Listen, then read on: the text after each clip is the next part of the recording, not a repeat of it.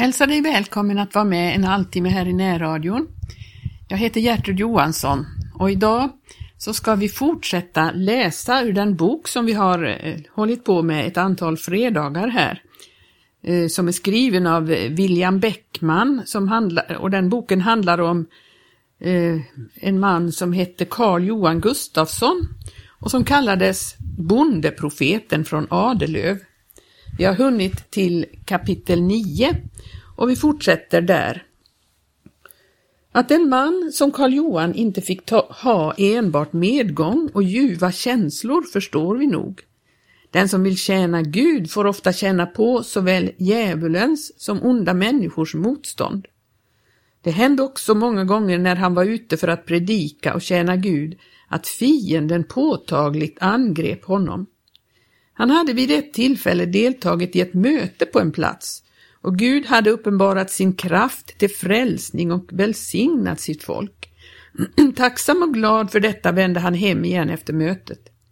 Men han hade knappast mer än hunnit sitta upp på sin cykel förrän han kände som om någon med väldigt tyngd vräkt sig på pakethållaren. Det kom så häftigt att han åkte rakt över vägen och hade så när hamnat i diket på andra sidan. Häpen och omtumlad stod han där på vägen bredvid sin cykel och hans första tanke var att det måste ha fastnat något i drevhjulet eller kedjan. Han undersökte därför noga sin cykel, lyfte upp den och drog hjulet runt, men det fanns ingenting som hindrade. Då han inte fann något fel satte han sig upp på cykeln igen. Men han hade inte åkt mer än ett litet stycke förrän ett ännu tyngre lass vräkte sig på pakethållaren och denna gång så tungt att hjulet formligen fastnade. Nu gick det upp för honom vad det var. Han förstod att det var djävulen själv som bromsade honom. Men nu var det också färdigt med den skjutsen. Nej, här du Satan, dig håller jag inte på att skjutsa. Nu får du allt kliva av i Jesu namn, ropade Karl Johan.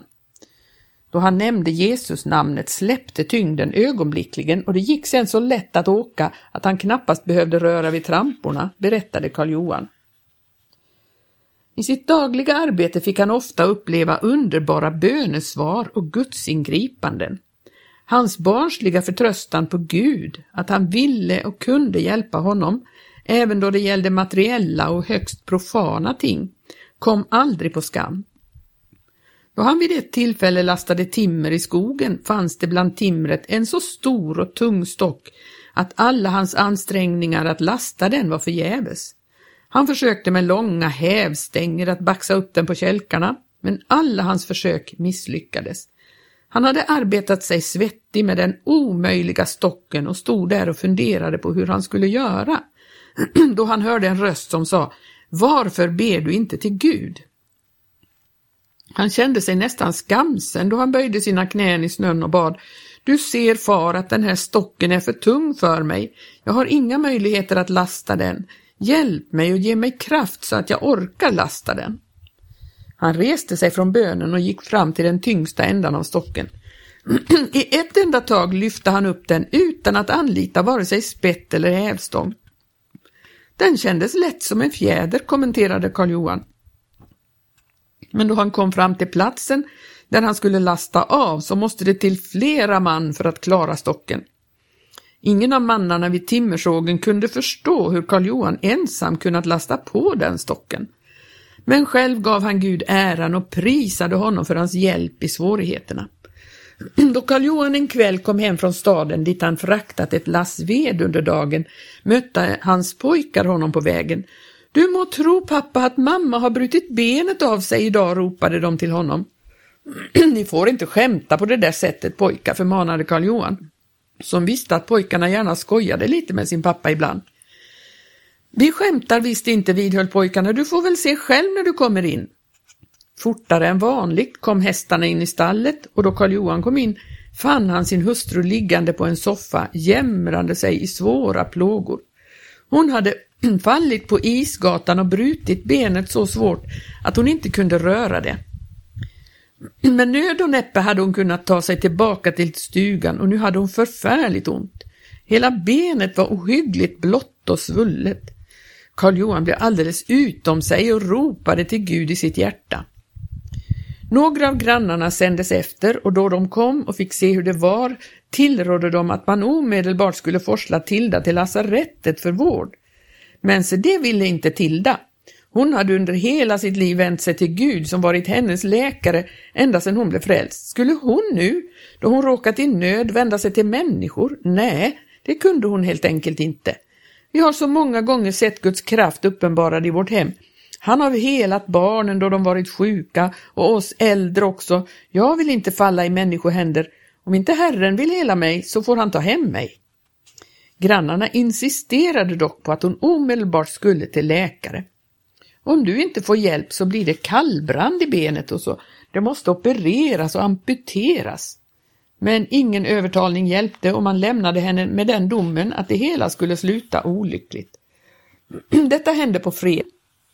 På söndagen bad man för henne i församlingen och Gud hörde bön så att den förfärliga verken släppte. På tisdagen önskade hon bli smord med olja och bli behandlad enligt Jakobs brev, kapitel 5 och 14 versen. Pastor Helmer Lindblad som var föreståndare för församlingen vid den tiden kom dit tillsammans med någon mera.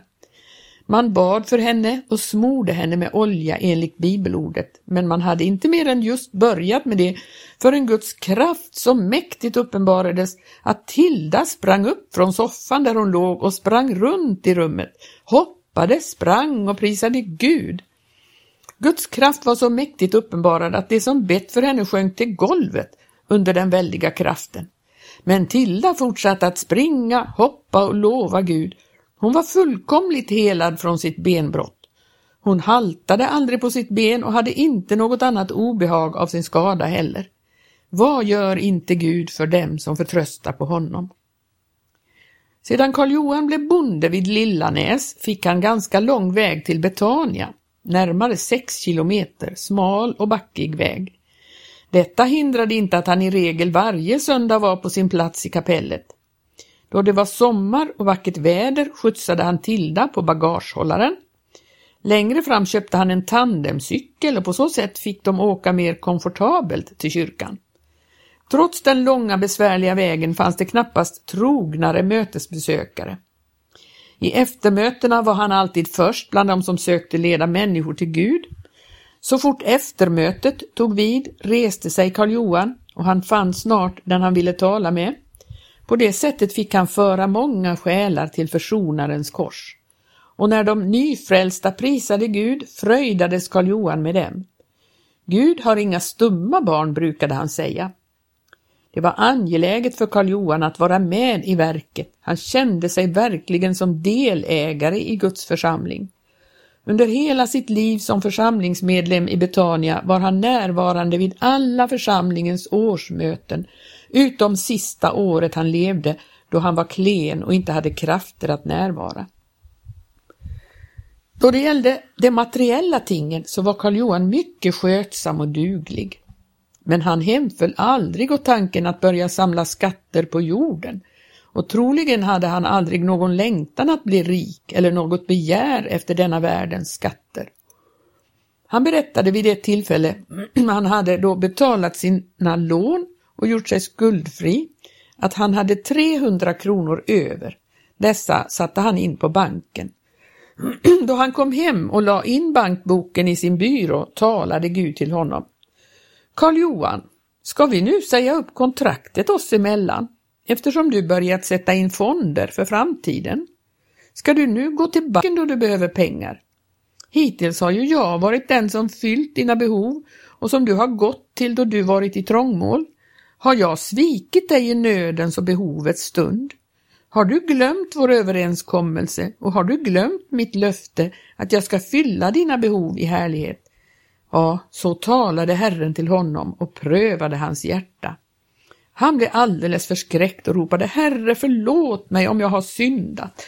Lös mig om jag har haft orätta tankar och handlat i otro. Jag vill helt förtrösta på dig för mina behov. Och Gud hörde hans bön. Han bevarade honom i, beroende, i denna beroendeställning hela livet. Gud visade också att han var trofast och höll sina löften och Karl Johan fick ända till sitt livs slut uppleva att intet fattades honom. Sedan Karl Johan kom till Lillanäs hade han fått goda fiskevatten i den lilla, eh, i den fina sjön Vänstern. Där fanns det på den tiden gott om fisk och kräftor och om man ville ha omväxling i kosten så fanns det stora möjligheter. Fisk är lärjungamat brukade Karl Johan säga. Om våren då fisken lekte kunde det inträffa att han fick så mycket fisk att han måste ta häst och kärra och köra omkring och sälja den i gårdarna.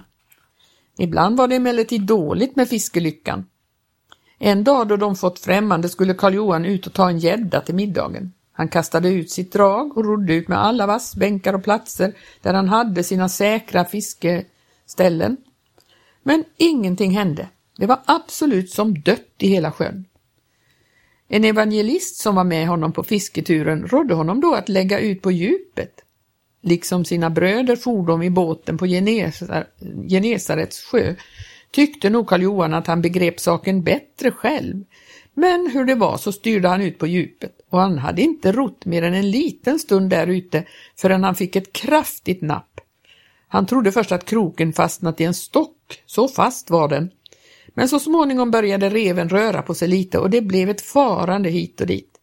Det var en jättegädda som hade huggit och det tog honom en god stund innan han hade fått upp den i båten. Det var en bjässe som vägde sina sex kilo. Tack Gud, ropade Karl Johan, för att du har samma omsorg om dina lärjungar som du hade då du gick här nere på jorden. Nu kunde man bjuda sitt främmande på den finast tänkbara middag. Karl Johan hade en underbar hustru. Hon var den fasta klippan i hemmet. Klok och kärleksfull med, med hjärta för alla betydde hon oändligt mycket för sin man och för hemmet, för att nu inte tala om hennes insats i församlingen. Hon var en bedjare och förebedjare som få och otaliga gånger upplevde hon att det håller att förtrösta på Herren. Och det gjorde hon i såväl smått som stort. En gång hade hon en fin gödkalv i ladugården. När hon en morgon kom ner för att se till djuren så låg kalven i sin kätte färdig att dö. Karl Johan var borta och även om han hade varit hemma hade det varit för sent att slakta kalven. Man hade ändå inte kunnat använda köttet. Tårarna kom i ögonen på henne. Det var så mycket som pengarna för den där kalven skulle räcka till och hur skulle det nu bli? Men då stod hon där så kom ett bibelord för henne. Både människor och djur hjälper du, Herre. Det var klart att Gud kunde ju rädda livet också på ett djur. Hon klev in i kätten, la sina händer på kalven och ropade till Gud att han skulle låta den leva. Då det gått en stund började kalven röra på sig. Sen reste den sig och var fullständigt återställd. Detta blev ett stort tacksägelseämne för Tilda. Hon prisade Gud för att han inte höll sig för hög att lyssna till förbön om det så endast gällde en kalv. För Karl Johan betydde Tilda ofantligt mycket. Hon var hans trogna stöd i livets hårda kamp och alltid sökte hon att uppmuntra honom då han ville gripas av missmod inför livets prövningar. Då det gällde att göra en insats för Guds verk var det aldrig något motstånd från hennes sida. Tvärtom skyndade hon på honom och gjorde allt hon kunde för att underlätta för honom att vara med i möten och verksamhet.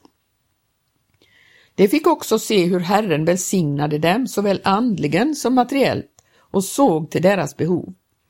Särskilt under de första åren av deras äktenskap då de hade det ganska knappt ibland upplevde de allt då och då hur Herren faktiskt lät brödet växa.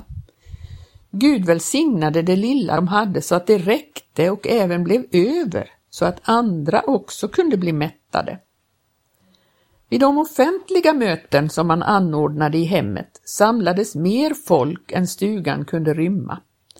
Att detta medförde en del extra arbete bekymrade man sig inte för. Man hade mera nöd för sina medmänniskors frälsning än för sina mattor och golv. Omsorgen om medmänniskornas frälsning gick före den egna bekvämligheten. Detta med stugmöten var för övrigt någonting vanligt eh, allt i trakten. Författaren påminner sig hur man i hans hem samlades till väckelsemöten, ofta varje vecka under hela vintern. Under dessa möten kom människor till tro på Gud och upplevde frälsning. Vid ett sådant möte blev inte mindre än 25 syndare frälsta, de flesta av dem unga män. Det var jubelmöten då lovsången steg mot himmelen och Guds rike hade framgång. Hos Karl Johan var det ofta verkliga jubelkonferenser när sådana storblåsare som Johan i Strömmen, Rickard Eriksson och andra blåste i jubelbasunerna. Vid sådana tillfällen ville tiden inte räcka till. Ibland gick hela natten åt innan man kunde bryta upp och skiljas från varandra. Det var efter ett sådant möte som pågått till fram på morgonen som Johan i Strömmen, han var vid den tiden över 60 år, sprang upp för de stora backarna som han hade att passera på vägen till sitt hem som låg ungefär en halv mil från Lillanäs. Då han berättade detta uttryckte han sig ungefär så här.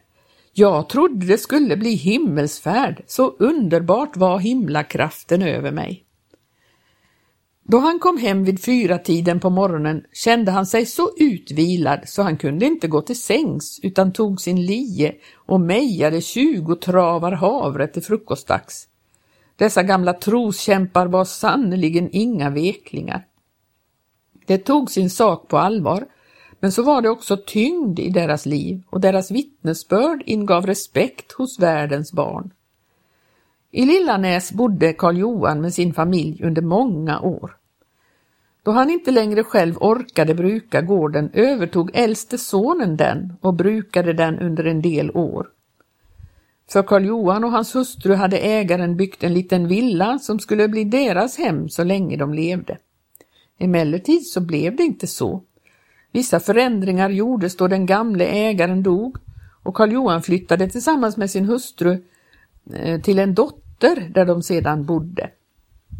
Tilda levde tills hon blev 82 år gammal. De sista åren var hon prövad av sjukdom till sin kropp, men hennes ande var mera frisk och vital än någonsin förut. Då vi besökte henne vid ett tillfälle under hennes sjukdom ville hon att vi skulle bedja för henne, att hon skulle få flytta hem. Jag står ju redan med ena foten i paradiset, sa hon. Varför öppnar inte Gud för mig och låter mig komma in? Efter det bönemötet där Guds kraft var mäktigt uppenbarad blev Tilda bättre och hon levde ännu något år. En tid innan Herren tog hem sin tjänarinna hade hon en underbar upplevelse. Hon tyckte sig förflyttad till paradiset. Där fick hon skåda underbara ting och lyssna till sådant som hon inte kunde återge med ord. Där fick hon se Jesus och hon talade om hur hon bländades av glansen från honom. Då hon nu såg honom och fick stå invid honom greps hon av en intensiv längtan att alltid få vara hos honom och frågade Får jag stanna här nu? Men Jesus svarade att hon inte hade gjort färdigt på jorden än. Gå tillbaka och tala om att jag är nära, att jag kommer snart. Mana människorna att göra det för mitt möte. Efter detta levde hon ytterligare en tid och talade med sin man, sina barn och alla som hon kunde nå om detta angelägna att göra sig redo för Jesu tillkommelse. I stor triumf gick hon sedan för att som hennes längtan var alltid få vara hos Jesus.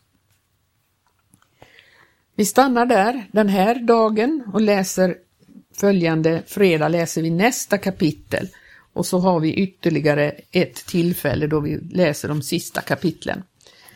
Men eh, vi får tänka och inspireras utav denne mans andliga liv och andliga rikedom och eh, även hans fru och eh, lära utav deras erfarenheter. Nu önskar jag dig som har lyssnat Guds välsignelse och Eh, Eh, att eh, söka dig närmare Herren och som vi läste här, göra dig redo därför att Jesu tillkommelse är så nära. Gud välsigne dig så hörs vi igen om en vecka.